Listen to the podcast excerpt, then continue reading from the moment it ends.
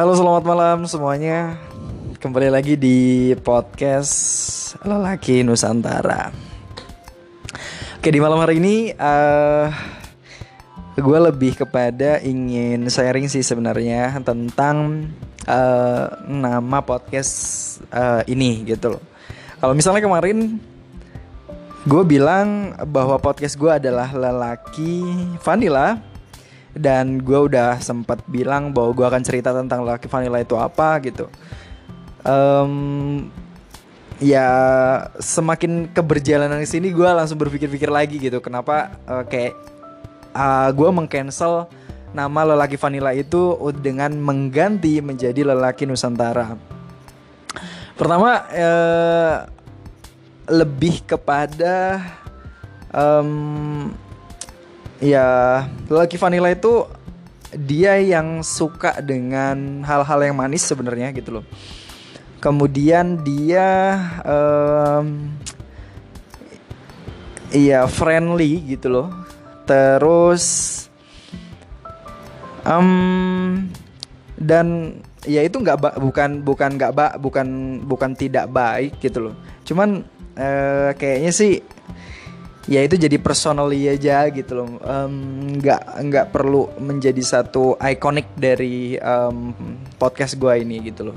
Dan gue memutuskan ya sudah kayaknya um, yang menjadi harapan kemarin itu gue cancel gitu. Dan yang uh, muncul di bayangan gue adalah Nusantara. Dan ya jadi deh. Um, podcast gue namanya mulai detik ini namanya Lelaki Nusantara. Selamat datang di podcast Lelaki Nusantara. Oke, uh, kenapa gue menggunakan kata Lelaki Nusantara? Ini lebih kepada um, harapannya gue bisa mengeksplor gitu loh, bagaimana para lelaki di Nusantara ini atau para ayah di Nusantara ini um, Iya hidup di negara kesatuan Republik Indonesia ini gitu loh.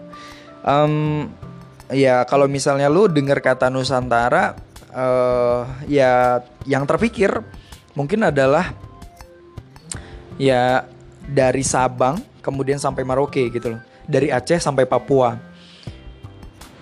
Um, pernah nggak membayangkan bagaimana sih karakter atau mungkin bagaimana sifat perilaku dari setiap uh, lelaki dari Nusantara ini gitu loh.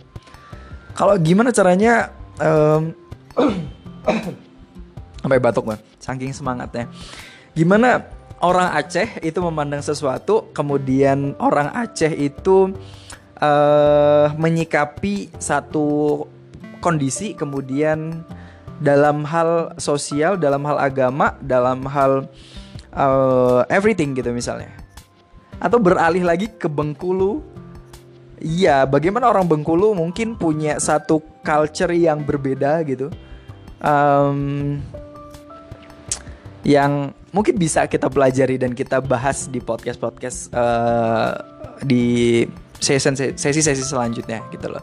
Dan bagaimana mungkin uh, orang Batak, orang yang kategorinya terkenal orang Sumatera sekali yang keras gitu. Padahal orangnya juga nggak ya sekeras keras hanya apa namanya oh kita melihatnya kayaknya takut gitu. Oh ini orangnya keras gitu. Ya bagaimana mereka menyikapi satu kondisi gitu bagaimana orang Palembang bagaimana orang Bengkulu bagaimana orang Lampung gitu misalnya. Beralih ke Kalimantan kemudian bagaimana orang Banjar bagaimana orang uh, yang ada di Banjarmasin gitu misalnya. Bagaimana orang lingkungan orang-orang Jawa bagaimana menyika uh, orang Jakarta menyikapi sesuatu, bagaimana orang Banten menyikapi sesuatu, dan gue pikir ini sesuatu hal yang uh, unik gitu. Kalau misalnya gue bisa bahas dan gue bisa bertemu dengan uh, 34 orang ini, dan mungkin um, gue sih ber, ber apa berazam gitu berazam. Gue bisa ketemu uh, dengan orang-orang ya yang kategorinya seorang tokoh yang dia tidak pernah tercatat sejarah tapi dia pernah dan dia melakukan sesuatu hal yang bermakna dalam kehidupan dia di sekitarnya atau wabil khusus sih untuk diri dia sendiri mungkin gitu. Yang yang yang bisa gue ketemuin gitu ya mungkin di sesi-sesi selanjutnya semoga ini bisa kewujud gitu dan um, bagaimana orang Bali bagaimana orang Surabaya gitu misalnya bagaimana orang NTB beralih ke, ke orang Sulawesi orang Bugis bagaimana orang um, Nusa Tenggara Timur orang Flores memahami satu masalah kemudian menyelesaikan pra masalahnya gitu. Bagaimana misalnya orang Papua nih itu gue jadi kayak uh, I see ini kayaknya sesuatu hal yang menarik untuk bisa dibahas, sesuatu hal yang mungkin bisa dieksplor bagaimana keragaman Indonesia ini um, amazing banget gitu loh. Dan ya gue harap uh, lelaki Nusantara ini bisa ngebuka wawasan kita bahwa kita adalah uh, orang yang beragam dan kita tetap cinta damai gitu loh. Kita bisa saling menghargai baik itu um, berdasarkan sukunya, berdasarkan agamanya, berdasarkan uh, keyakinannya, kemudian berdasarkan strata sosialnya mungkin gitu loh. Dan itu semua disatukan dalam satu uh, buah ikatan, ikatan bahwa kita adalah satu negara, negara Indonesia yang uh, tergabung di Nusantara ini, baik dari Sabang sampai Merauke, dari Aceh sampai Papua. Gila banget kan ya? Oke, okay, um,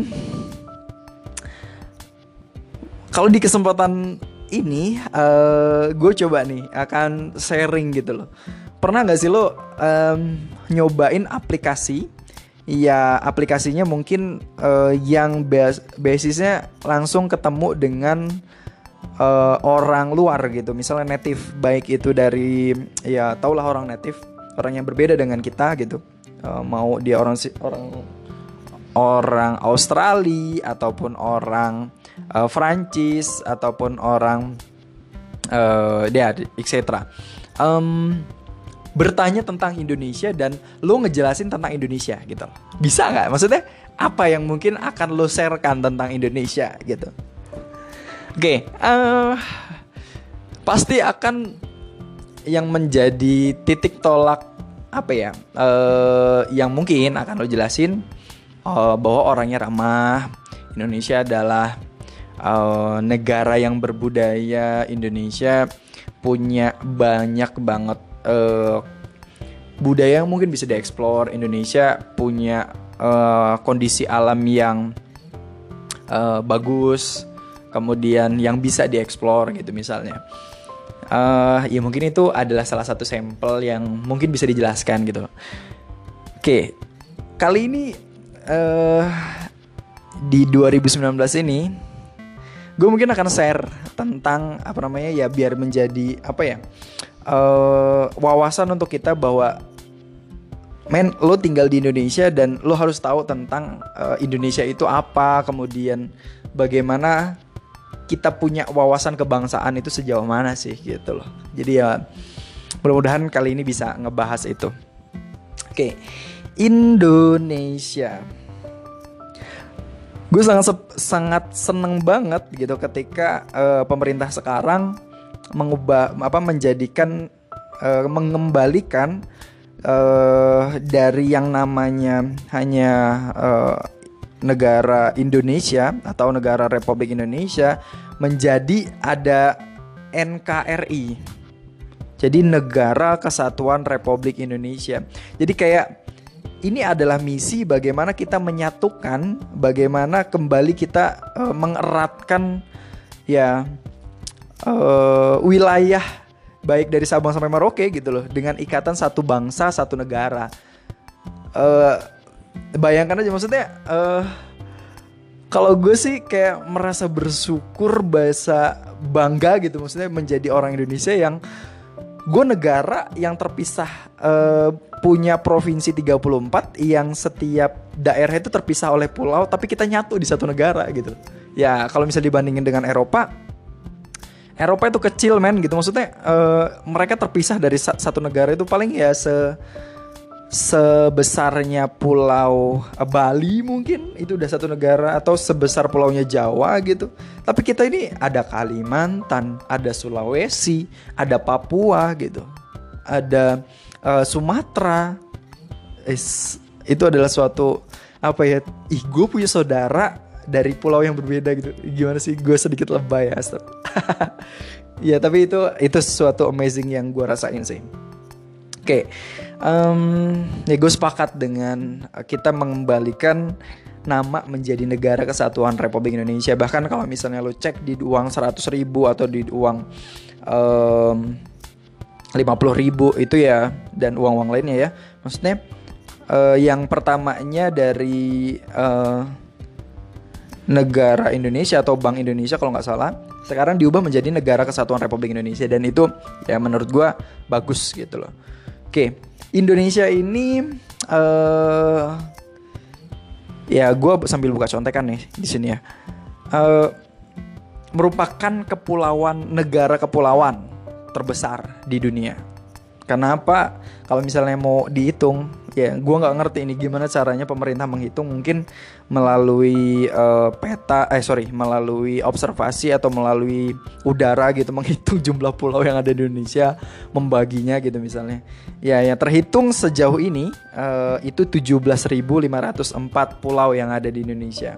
Gue ulangin 17.504 itu jumlah pulau yang ada di Indonesia bisa lo bayangin aja uh, baik pulau terpencil pulau kecil itu juga terhitung makanya uh, kemarin ada konflik yang terkait dengan Natuna kemudian dan sebagainya yang uh, banyak di apa maksudnya ada beberapa pulau yang dijual. Itu sebenarnya uh, gue berpikir mereka teh gimana gitu. Maksudnya gimana ya? Berpikirnya ingin menjual pulau-pulau itu misalnya ke asing gitu. Ya ini adalah ya gue nggak setuju dengan hal-hal itu gitu loh. Jadi kalau bisa ini tetap menjadi bagian dari negara Indonesia itu meskipun ya. Uh, itu tidak terawat dan sebagainya. Sebisa mungkin bagaimana kita ya menyamakan gitu. Kalau misalnya ternyata pulau itu harus ada yang menjaga ya silahkan ada yang menjaga atau gimana gitu ya. Oke, Indonesia juga uh, punya populasi penduduk yang cukup besar. Jadi kalau misalnya di dilihat dari dan apa namanya data statistik saat ini jumlah rakyat uh, jumlah populasinya itu hampir um, lebih da ya sekarang 270 juta uh, 54.853 jiwa di tahun 2013. Jadi ya kalau misalnya di 2019 ini ada bayi yang lahir ataupun ada orang yang meninggal dan statistik apa namanya Badan Pusat Statistik belum menghitungnya kembali. Tapi ya ini jumlah yang cukup besar uh, untuk sebuah negara. Meskipun kita ya masih kalah dibandingkan dengan uh, apa namanya Cina, kemudian atau Tiongkok ya, di, kemudian India, Amerika gitu. Ya mereka masih besar gitu. Cuman ya ini adalah um, jumlah yang cukup besar kata untuk kategori negara. Dan kalau misalnya dan uh, di tahun 2020 atau 2030 kita punya bonus demografi. Uh, maksudnya adalah ya kita akan kedatangan uh, bukan kedatangan tapi lebih tepatnya jumlah angka kerja angka angkatan kerja kita maksudnya orang anak mudanya itu lebih besar daripada uh, yang tua ataupun um, ya yang baru lahir dan sebagainya gitu jadi ini adalah yang cukup potensial bagaimana kita melihat ya bagaimana Indonesia ke depannya gitu bagaimana uh, mungkin jadi kalau misalnya gue di human development seperti biasa kita punya banyak calon-calon uh, SDM yang mungkin bisa diberdayakan untuk lebih uh, bermanfaat lagi dengan sekelilingnya. Uh, jadi uh, jumlah orang yang ada di Indonesia itu kalau misalnya semuanya bisa punya manfaat besar gitu, ya itu luar biasa sekali gitu loh. Oke, okay.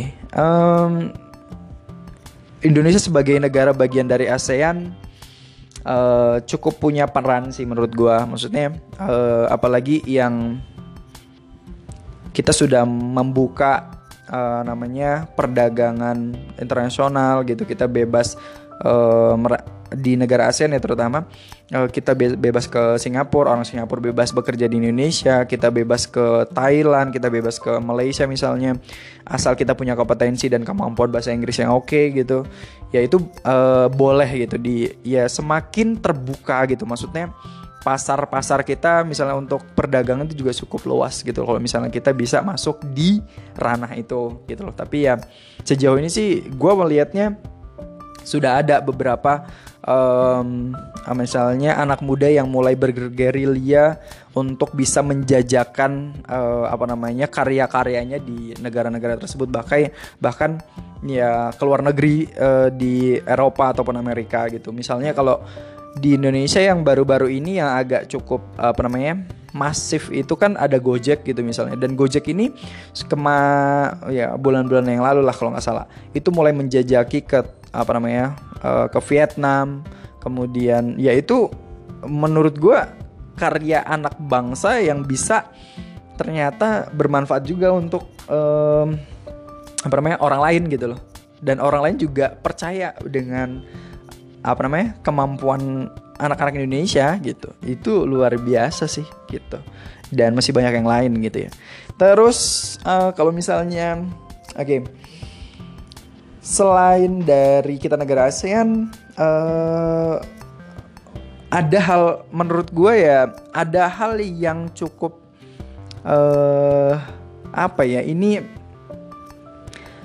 ya kalau misalnya lo yang pernah dengar sumpah pemuda gitu bagaimana uh, para pemuda ini ya itu itu luar biasa um, menurut gue sebersejarah sekali gitu loh dengan sumpah mereka bahwa um, kita apa namanya berbahasa satu bahasa Indonesia kemudian kita um, apalagi ya uh, ya pokoknya yang coba bisa dicek di sumpah pemuda uh, ada ikatan emosional baik dari Jong Java, Jong Ambon, Sumatera gitu yang mereka ya itu tadi punya apa ya bahwa inilah Indonesia gitu.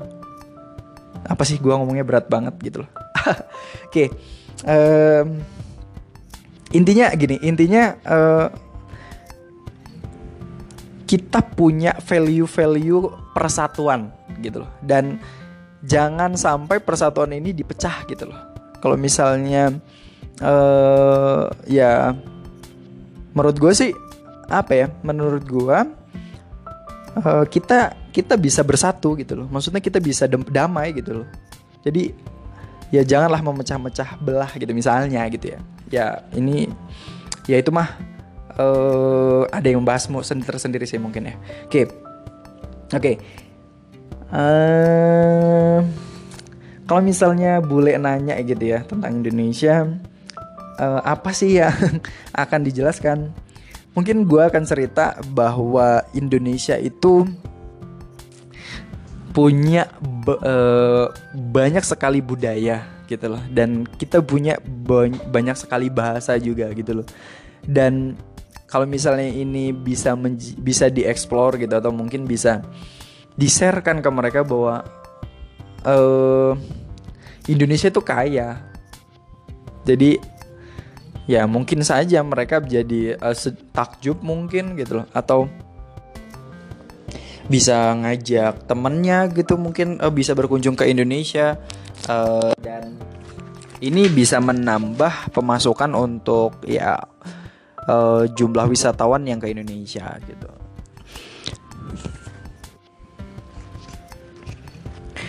Oke. Okay. Um, setelah gue buka contekan ternyata kayaknya ini perlu nih gue share terkait dengan wawasan uh, jumlah provinsi yang ada di Indonesia.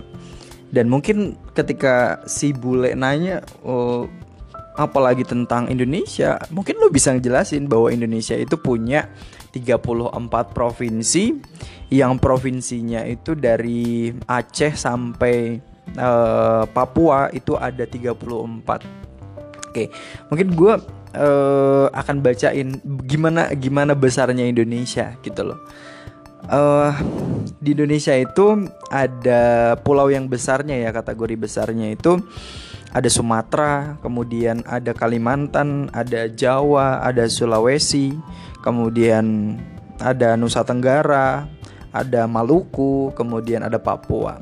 Di Sumatera aja nih, di Sumatera itu ada 10 provinsi besar hingga saat ini ya. 10 10 provinsi loh, 10 provinsi besar. Ada Aceh dengan ibu kotanya Banda Aceh, kemudian ada Sumatera Utara dengan ibu kotanya mungkin teman-teman mengenalnya Medan gitu. Ada Sumatera Barat, e, ibu kotanya Padang. Kemudian e, ada Riau, ibu kotanya Pekanbaru. Kemudian ada Kepulauan Riau, itu satu provinsi tersendiri dengan ibu kotanya Tanjung Pinang. Kemudian ada Jambi dengan ibu kotanya Jambi. Kemudian turun ke bawah ada Bangka Belitung dengan apa namanya? uh, ibu kotanya Pangkal Pinang.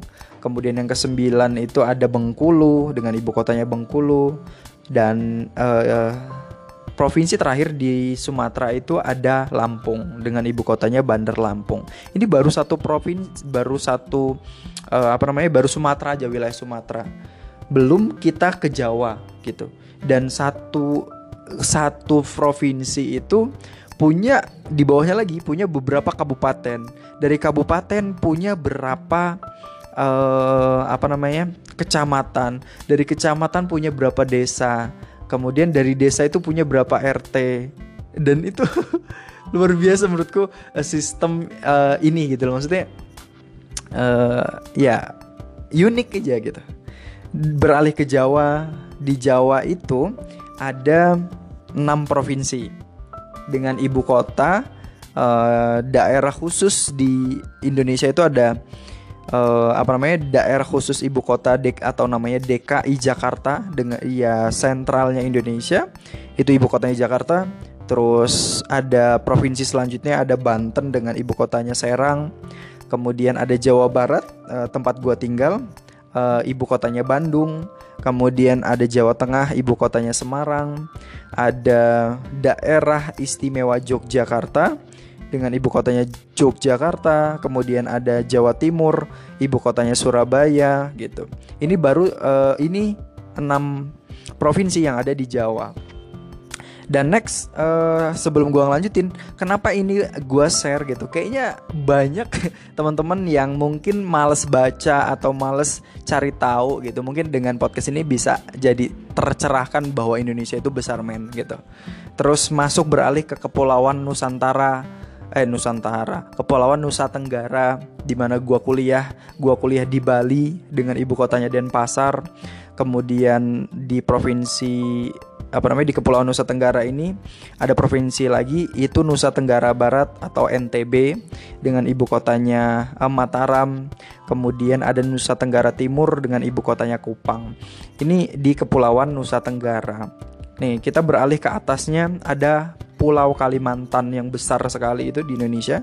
Di Kalimantan itu ada lima provinsi yang besarnya. Ada Kalimantan Barat, kemudian Kalimantan Teng Kalimantan Barat dengan ibu kotanya Pontianak, kemudian ada Kalimantan Tengah itu ibu kotanya Palangkaraya, kemudian ada Kalimantan Selatan itu ibu kotanya Banjarmasin, kemudian ada Kalimantan Timur ibu kotanya Samarinda dan ini kayaknya baru nih Kalimantan Utara dengan ibu kotanya Tanjung Selor. Ini Kalimantan. Kalimantan uh, punya lima provinsi.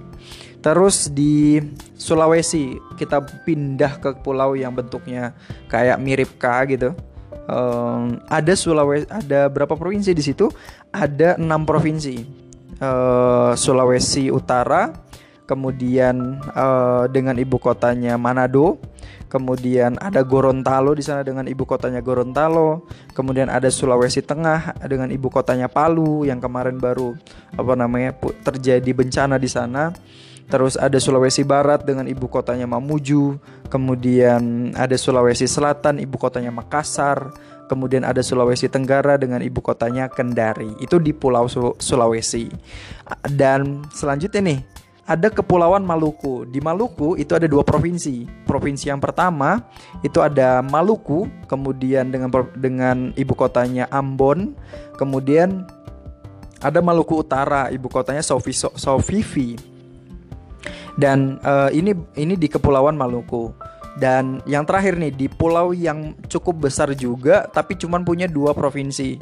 Uh, gue nggak tahu uh, kenapa ada dua provinsi. Menurut gue sih karena wilayah yang cukup besar, kemudian uh, jumlah orang yang nggak terlalu banyak juga mungkin ya. Uh, ada dua provinsi. Jadi provinsi Papua Barat dan juga uh, Papua. Kalau Papua Barat ibu kotanya di Manokwari, kemudian kalau Papua ibu kotanya di Jayapura. Dan itulah kalau misalnya dijumlahkan dari di Sumatera ada 10 provinsi, di Jawa ada enam provinsi besarnya, kemudian di Kepulauan Nusa Tenggara ada tiga provinsi, di Kalimantan ada lima provinsi, di Sulawesi ada enam provinsi, di Kepulauan Maluku ada dua provinsi, di Papua ada dua provinsi, sehingga totalnya Indonesia punya 34 provinsi. Luar biasa besar Indonesia dan uh, ini semakin memunculkan bahwa gue bangga jadi orang Indonesia gitu. Dan gue nggak bisa ngebayangin kalau misalnya uh, podcast kali ini itu uh, dan podcast selanjutnya itu kita bisa ngebahas sebesar itu Indonesia dengan multiculturenya. Kemudian sebesar itu pemikiran yang mungkin bisa kita gali di podcast lelaki Nusantara Ha, luar biasa. Oke, okay, um, kalau misalnya dari segi pendidikan, menurut gue uh, ini cukup krusial juga yang menjadi bisa apa ya? Maksudnya ketika dibahas, hmm, menurut gue masih banyak uh, ketimpangan sih maksudnya perbedaan antara wilayah uh, satu antara provinsi satu dengan provinsi yang lainnya ya bisa lo bayangin aja ketika gue sampaikan tadi tentang provinsi-provinsi itu ada perbedaan baik yang di Pulau Jawa, di Sumatera, kemudian di Kalimantan, kemudian sama di Papua itu cukup berbeda sekali. Apalagi ibu kota kita di rata-rata besar banyak di uh, Jawa. Jadinya ya uh, mungkin pendidikan banyak terpusat di uh, Jawa gitu loh. Dan ya sejauh ini kita itu cukup merupakan apa ya? Uh, pemerintah cukup besar mengeluarkan dana untuk pendidikan dari APBN negara saja gitu loh. Sekitar un, uh, apa namanya alokasi untuk apa namanya khusus di pendidikan itu sekitar 20 uh, persen. Ini untuk AP dari APBN ya APBN untuk pendidikan. Dan ini luar biasa, maksudnya uh, di luar dari alokasi yang lain ya um, untuk khusus di pendidikan. Dan kalau misalnya uh, gue bisa cerita, ketika gue lulus dari Universitas Pendidikan Ganesa di Bali, uh, dan itu pun melalui SBMPTN gitu. Dan ketika gue pingin masuk di Unpad gitu yang ya cukup saingannya luar biasa gitu dan uh, itu baru baru baru satu apa ya baru ya melihat gue ngelihat pendidikan ya cukup signif cukup signifikan gitu loh. Baik dari pola pikir uh, kemudian dari cara komunikasi apa obrolan gitu. Itu cukup berbeda gitu. Ketika uh, gua ngobrol dengan anak ITB misalnya. Gua ngobrol dengan anak UI gitu misalnya. Jadi ada menurut gua yang pola pikir yang yang mungkin nggak gue dapetin gitu loh. Tapi ya uh, gua gue coba untuk mengejar ketertinggalan ketertinggalan yang uh, yang mungkin selama ini gue biasa-biasa aja selama kuliah atau sebenarnya yang kategorinya uh, gue ngelakuin hal biasa. Jujur gue ngelakuin hal yang biasa tapi ya uh, dapat nilai yang bagus kemudian dan sebagainya ya karena ya ya nggak tahu ya. Pokoknya ya itu adalah penilaian baik itu mah cerita tentang pendidikan. Jadi menurut yang ingin gue tekankan adalah ya ada perbedaan uh, dari ya pendidikan di setiap daerah gitu loh. Dan menurut gue uh, ini jadi PR yang cukup besar sih bagaimana untuk meratakan setiap apa namanya kebutuhan tentang pendidikan gitu. Terus um, agama. Kalau misalnya gue bahas agama, Indonesia itu mengakui lima agama. Jadi um, agama yang diakui dulu itu sebenarnya empat gitu cuman uh, waktu pas zamannya Pak uh, Gus Dur uh, itu menambah satu agama lagi jadi uh, agama mayoritas di Indonesia ini ya agama gue sendiri yaitu sebagai seorang uh, muslim agama Islam itu hampir 87% orang Indonesia itu adalah muslim dan itu adalah hal apa namanya mayoritas dan menjadikan Indonesia sebagai negara uh, apa namanya dengan mayoritas muslim terbesar di dunia gitu. Uh, ada sisanya uh, ya berarti kalau misalnya 87 ada 13 persennya itu ada uh, Protestan di 7 persen, kemudian ada Katolik uh, di apa namanya tiga persen kemudian Hindu yang uh, tempat gua kuliah itu memang fokus ya kebanyakan agama Hindu di sana.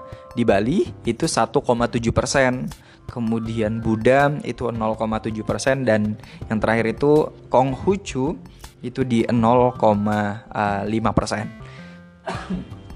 Ini dari agama. Jadi kalau misalnya apa namanya uh, ngebayangin ya ini menurut menurut gue ya multicultural juga gitu loh. Jadi bagaimana kita menghargai menghargai di mana letak yang harus kita hargai um, maksud gue adalah ada beberapa posisi um, ya memang kita harus apa namanya fanatik dengan uh, yang kita anut. Ini dalam hal ibadah gitu menurut gue tapi ya dalam hal misalnya dalam hal uh, muamalah misalnya dalam berhubungan sosial ya ini kita harus uh, saling menghargai. Kemudian ya menurut gue toleransinya Indonesia itu bisa bisa muncul dengan kita saling menghargai sesama agama ini. Dalam hal yang tanda kutip menurut gue tadi ya uh, yang uh, yang bis yang menurut gue uh, mungkin orang juga mulai ngerti gitu maksudnya dalam hal hal apa namanya akidah dan sebagainya itu mah tidak kompromi gitu. Terus um, dan gue pingin bilang bahwa dengan keragaman agama ini uh, inilah yang menjadikan uh, kita uh, maksudnya dilihat uh, luar biasanya itu bagaimana satu negara itu bisa mengakomodasi semua agama ini kemudian kita tetap berdamai gitu loh. Dan kita tidak tidak saling sikut atau mungkin kita tidak saling mencemooh satu sama lainnya gitu loh dan itu yang diinginkan gitu loh. Ya mudah-mudahan aja kedamaian ini uh, selalu terjalin untuk di Indonesia gitu. Semoga ya memen. Oke uh, di bahasa. Kalau uh, rata-rata di Indonesia itu bahasanya ya menggunakan bahasa ibu ibu kita sehari-hari ya tergantung ibu kita sih gitu. Jadi ada bahasa daerah yaitu bahasa apa namanya bahasa ibu. Ya kalau misalnya misalnya gue dari dari Lampung ya tapi orang tua orang tua gue misalnya dari Jawa ya bahasa ibu gue orang Jawa ya gue bisa ngomong Jawa gitu. Dan kalau misalnya begitu pun juga dengan orang Batak gitu loh. Uh, bahasa ibu itu ya bahasa maksudnya bahasa sukunya itu tadi gitu loh dan setiap orang berbeda-beda gitu loh dan tapi ada bahasa resmi di Indonesia itu bahasa resminya ya mungkin lo tau sendiri yang sedang gue lakukan atau gue ngomong ini ini adalah bahasa uh, uh, apa namanya bahasa resmi yang disepakati dari yang yang gue sampaikan tadi di Sumpah Pemuda tadi gitu loh. Oh ya sebelum sebelum ini di Sumpah Pemuda tadi sambil gua apa namanya nge-review ingetan. Jadi eh, yang pertama itu adalah bertumpah darah satu tanah air Indonesia kemudian berbangsa satu bangsa Indonesia kemudian berbahasa persatuan yaitu bahasa Indonesia Nah, gue biar biar tidak uh, mengurangi dari entitas Sumpah Pemuda yang gue sampaikan tadi. Oke, uh, dan bahasa itu bahasa Indonesia lah itu adalah bahasa pemersatu. Dari dengan sumpah pemuda yang uh, disampaikan sebelum kemerdekaan itu sudah memang value valuable banget gitu loh. Dengan apa namanya uh, kesatuan Indonesia tadi gitu. Dan uh, inilah yang membuat apa ya kita cukup harus apa namanya bangga dan bangganya kita ini dengan merawat uh, kemerdekaan ini dengan ya itu tadi kita menggunakan bahasa Indonesia kemudian kita saling menghargai toleransi dengan sesama kita ya peace man gitu dengan damai gitu dan kalau misalnya di Indonesia itu ada kota-kota besar gitu. Kota-kota besar itu uh, ada 12 sih kota besar di Indonesia dan alhamdulillahnya uh, sekarang gue sedang stay di kota besar, salah satu kota besar, yaitu di Bandung. Dan gue sebenarnya pingin punya plan ke depan itu pingin gue uh, bisa uh, ke Jakarta, kemudian dan Surabaya itu menjadi target uh, mungkin jadi destinasi bisnis mungkin ya destinasi bisnis atau destinasi uh, kalau rencana hidup mungkin gue akan stay di Bandung gitu. Cuman dari segi explore terkait dengan kemampuan dan sebagainya mungkin gue akan coba di dua uh, provinsi ini gitu loh. Pertama ada Jakarta kemudian Surabaya kemudian ada Medan kemudian ada Bandung ya itu tadi ya. Bandung kota keempat yang cukup besarnya kemudian ada Makassar. Makassar itu di Sulawesi. Itu cukup besar juga.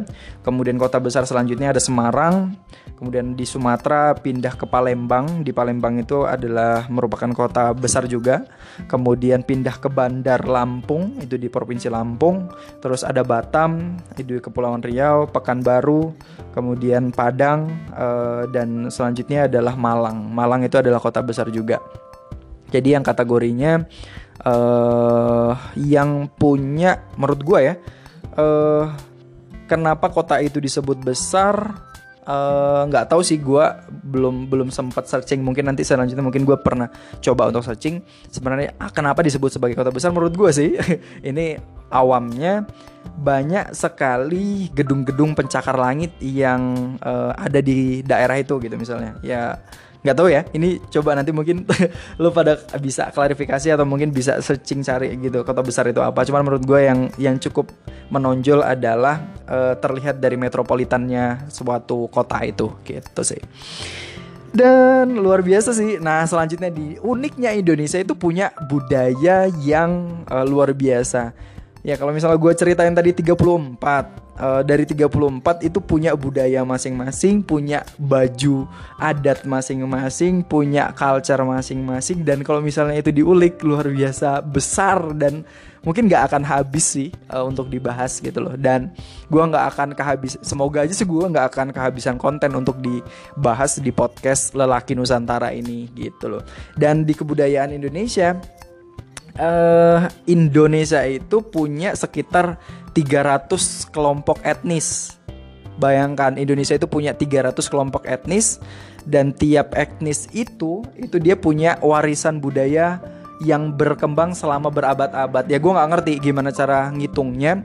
Cuman uh, menurut menurut gue uh, ini juga bisa dipengaruhi dari para penjajah dahulu yang datang ke Indonesia juga mungkin ya. Atau uh, pengaruh budaya ini juga ya karena banyaknya pedagang-pedagang dari Arab ataupun Gujarat yang datang ke Indonesia untuk memasarkan produk dagangannya gitu. Dan mereka pun memberikan pengaruh besar dalam hal budaya gitu loh. Dan kalau misalnya dilihat ya ada India, kemudian ada Arab, ada Tiongkok, kemudian ada Eropa yang masuk uh, ke Indonesia ini gitu loh. Dan ya itu mempengaruhi bagaimana kita dari cara hidup, kemudian cara berkomunikasi, pola pikir mungkin juga berpengaruh gitu loh. Oke, um, ada kalau misalnya yang cukup besar di Indonesia yang mungkin cukup menjadi warisan budaya dunia. Salah satunya adalah uh, batik dan wayang gitu loh. Dan gue termasuk uh, pecinta batik dan uh, gue juga cukup bangga dengan uh, gue menjadi apa namanya bagian dari orang Jawa yang suka dengan wayang gitu loh. Jadi uh, gue nggak seberapa apa namanya ngerti dengan kisah-kisah pewayangan cuman gue suka aja gitu dengan uh, valuable valuable atau value-value yang ter apa namanya terangkum di kisah pewayangan baik di Punakawan dan sebagainya sih gitu. Mungkin satu kondisi gue akan cerita tentang itu gitu loh. Dan kita juga punya budaya budaya uh, baik dari alat-alat apa namanya dari alat-alat alat-alat apa namanya misalnya musik gitu misalnya. Kemudian di kita punya budaya uh, bagaimana busana kemudian kita punya seni pantun uh, kita punya ya berbagai pertunjukan yang mungkin bisa apa ya bisa kita tonjolkan. Inilah Indonesia Indonesia khas. Jadi kalau misalnya lo ngelihat Asian Games kemarin itu ya itulah Indonesia gitu. Dan ya kita harus menghargai bahwa itulah Indonesia gitu loh. Maksudnya uh, ada beberapa kondisi ya oke okay, uh, eh, lo bisa sepakat atau tidak ada satu kondisi uh, yang memang kategorinya ya kalau misalnya itu hanya sekedar budaya yang uh, maksudnya kita kalau misal budayanya itu kurang bagus gitu ya ya menurut gue ini uh, bisa menjadi maksudnya bisa di diubah atau gimana ya?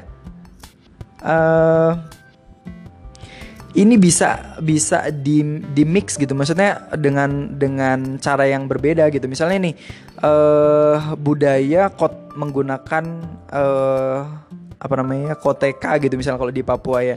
Ya satu sisi ini memang apa namanya budaya yang ada di apa Papua gitu. Cuman ya kalau misalnya ternyata kita menjadi seorang yang uh, ya mungkin dalam tanda kutip di satu di satu acara mungkin ya silahkan lah kalau misalnya itu keyakinan yang uh, mereka anut gitu misalnya. Um, tapi di satu sisi juga ya semakin ke sini kan kita semakin terbuka wawasan kita bahwa ya kita bisa kalau misalnya menutup di menutup uh, namanya apa namanya tubuh kita gitu loh ya ini mah kembali lagi agak cukup besar sih berat cu membahas budaya ini. Karena ya tergantung wilayah dan daerah itu sih memahami konteks budaya ini gitu loh. Um, jadi kalau misalnya menurut culture dan wilayah daerah setempat bahwa itu adalah boleh-boleh saja ya dan kesepakatan orang sana yang bilang itu adalah boleh ya itu boleh gitu loh. Ya kembali lagi siapa yang melihatnya sih untuk yang konteks budaya ini. Ya itu sesuatu hal yang luar biasa sih Indonesia punya banyak banget uh, budaya. Terus uh, selanjutnya uh, adalah dari segi arsitektur Indonesia itu kaya sekali akan arsitekturnya. Jadi um, kalau misalnya lo pernah gue sih belum pernah ke Candi Borobudur atau Candi Prambanan. Itu suatu kekayaan luar biasa men yang dimiliki orang Indonesia gitu loh. Dan kita cukup bangga untuk memperkenalkan itu mungkin ke uh, luar gitu. Dan bagaimana juga masjid-masjid di Indonesia gitu. Misalnya Istiqlal yang cukup besar gitu. Bagaimana kalau misalnya Kristen punya katedral gitu. Ya uh, ini yang mungkin bisa menjadi salah satu destinasi gitu loh. Ya luar biasa bagaimana uh, orang Hindu punya apa namanya pura beratran yang puranya yang ada di tengah apa namanya danau gitu. Ya ini suatu keunikan yang Indonesia milikin gitu loh dan yang nggak tid yang tidak dimiliki oleh negara lain gitu loh. Terus um, Indonesia kalau kalau orang lihat Indonesia juga punya olahraga yang uh, cukup terkenal di Indonesia. Jadi beberapa uh, kondisi Indonesia itu um, terkenal sebagai negara dengan atlet uh, bulu tangkis gitu loh. Dan saat ini ya lo mungkin bisa tahu uh, beberapa artis uh, eh beberapa artis, beberapa atlet yang uh, cukup terkenal. Ada siapa namanya? Uh, Kevin Sanjaya, kemudian ada yang kemarin baru selesai Liliana Natsir, kemudian ada uh, Tantowi Ahmad, kemudian uh, siapa lagi ya?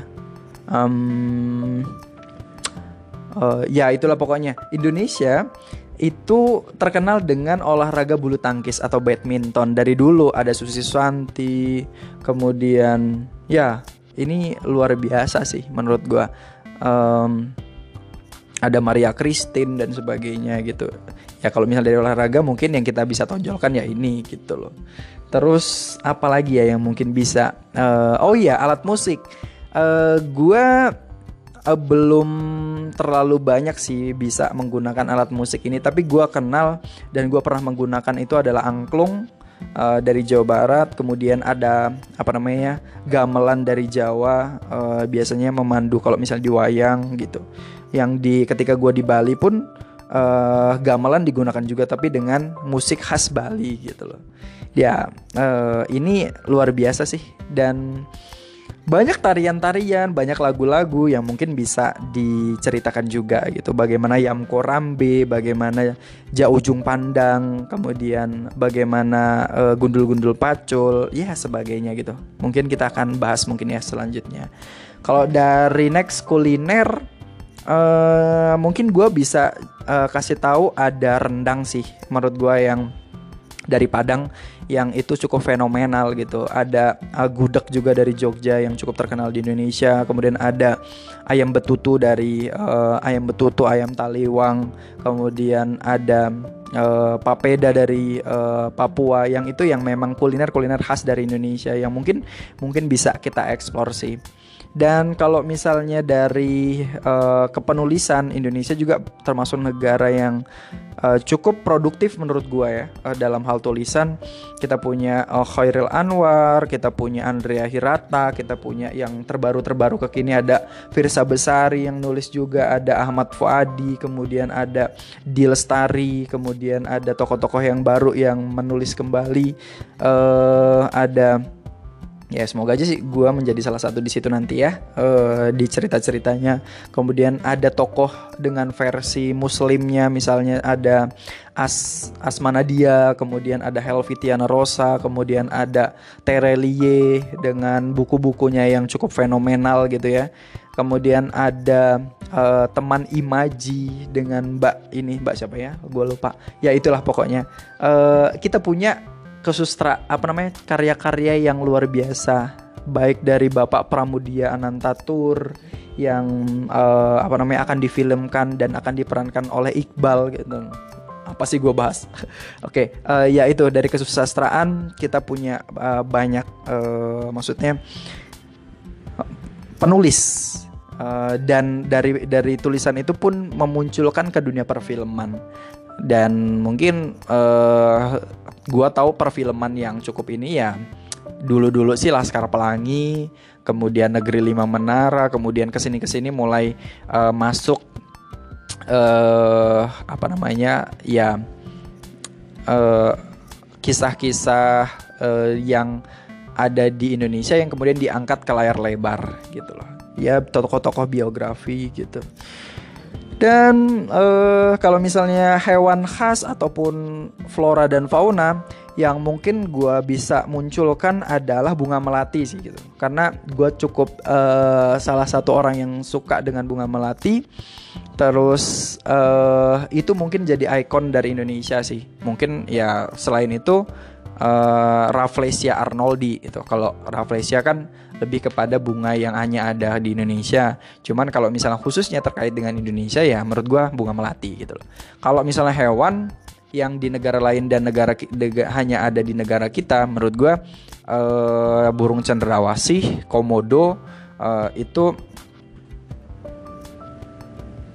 itu jadi apa namanya salah satu um, apa ya tempat un apa namanya mereka ada gitu loh jadi uh, hanya ada di Indonesia gitu yang di apa namanya?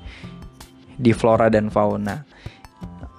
Dan menurut gue ini ini menjadi kekayaan yang luar biasa ketika orang Indonesia uh, bukan bukan apa ya bukan malah membunuh bahkan uh, memunahkan uh, para flora dan fauna ini misalnya atau mungkin kekayaan alam ini. Tapi kita punya peran untuk bagaimana uh, dengan Indonesia yang saat ini sudah merdeka sudah uh, hampir sekarang ber, uh, masuk di 73 berarti ya di kalau misalnya ini. Uh, tahun Indonesia yaitu bukan lagi umur yang harusnya uh, ya kita sebagai negara yang terus belajar menjadi negara menu, bukan hanya negara berkembang tapi menuju ke negara maju gitu loh. Kita mulai open minded dengan segala segala uh, yang terjadi di uh, dunia gitu. Kemudian uh, apa ya? Uh, banyak uh, teknologi yang semakin uh, ke sini semakin cepat gitu perubahannya. Dalam satu minggu bahkan satu hari orang sudah bisa memunculkan ide-ide baru terkait dengan otomotif terkait dengan uh, komputer komputer dan sebagainya dan sebagainya dalam ahli kedokteran gitu misalnya. Ya itu itu harus kita terima dengan kita terus belajar jangan berhenti belajar gitu menurut gue ya gitu. Sebagai bangsa yang terus belajar gitu terus melihat kondisi uh, dunia saat ini tapi tidak pernah menurut gue uh, tidak meninggalkan kehasanahan budaya juga kemudian uh, ya ketimurannya kita gitu loh. Jadi uh, kita sebagai negara yang ramah uh, atau mungkin kita sebagai negara yang orang mengenalnya oke okay, kemarin gue pernah uh, dengar kita itu terkenal sebagai negara ramah tapi dulunya itu kita sebagai uh, salah satu negara yang uh, cukup banyak perangnya juga baik dari uh, kerajaan kemudian bertemu dengan Jepang bertemu dengan Belanda ya perang juga gitu ya. Tidak hanya ramah mungkin saja kita itu ramah yang terpendam eh, ya ramah yang terpendam. Gimana ya? Kita punya emosional yang mungkin mungkin suatu saat bisa muncul saja juga juga gitu. Uh, ya mungkin ya gitu. Ya uh, gue harap sih kita tetap menjaga persatuan seperti biasa yang gue selalu sampaikan bahwa kita itu adalah negara yang berbudaya terus kita yang selalu menjunjung kedamaian terus um, ya menurut gue kita punya peran untuk menjaga uh, apa namanya kemerdekaan ini. Kemudian bagaimana uh, setiap negara setiap orang di Indonesia ini menurut gue pemerintah punya peran yang cukup besar sih uh, dalam hal menentukan kebijakan-kebijakan setiap provinsi 34 provinsi yang gue uh, sampaikan di atas tadi. Oke, okay, uh, karena sudah malam juga sih dan udah hampir mau satu jam gue cerita mudah-mudahan ada manfaatnya ada uh, wawasan baru atau mungkin ada informasi SD SMP yang mungkin uh, sudah lo dapetin. Kemudian uh, ini di review lagi mungkin ya uh, tentang uh, wawasan kebangsaan kemudian oh iya Oh, aduh ada yang lupa, ada hal yang penting yang mungkin gue lupa sampaikan adalah kita punya Pancasila. Ada lima sila yang lima dasar valuable sebagai seorang negarawan gitu loh. Dan uh, di situ ada bineka tunggal ika yang menyatukan kita semua sebagai negara sebagai orang yang berbangsa gitu yaitu bineka tunggal ika. Artinya itu adalah berbeda-beda uh, tetap satu jua. Gimana ya? Kita itu punya perbedaan tapi ya kita tetap satu gitu loh. Dan inilah yang menjadikan filosofi bahwa kita semua bersaudara gitu sebagai satu negara dan mudah-mudahan persaudaraan ini tidak pernah uh, maksudnya uh, terus uh, di kita kita selalu ingat bahwa kita itu adalah satu satu negara kesatuan Republik Indonesia gitu.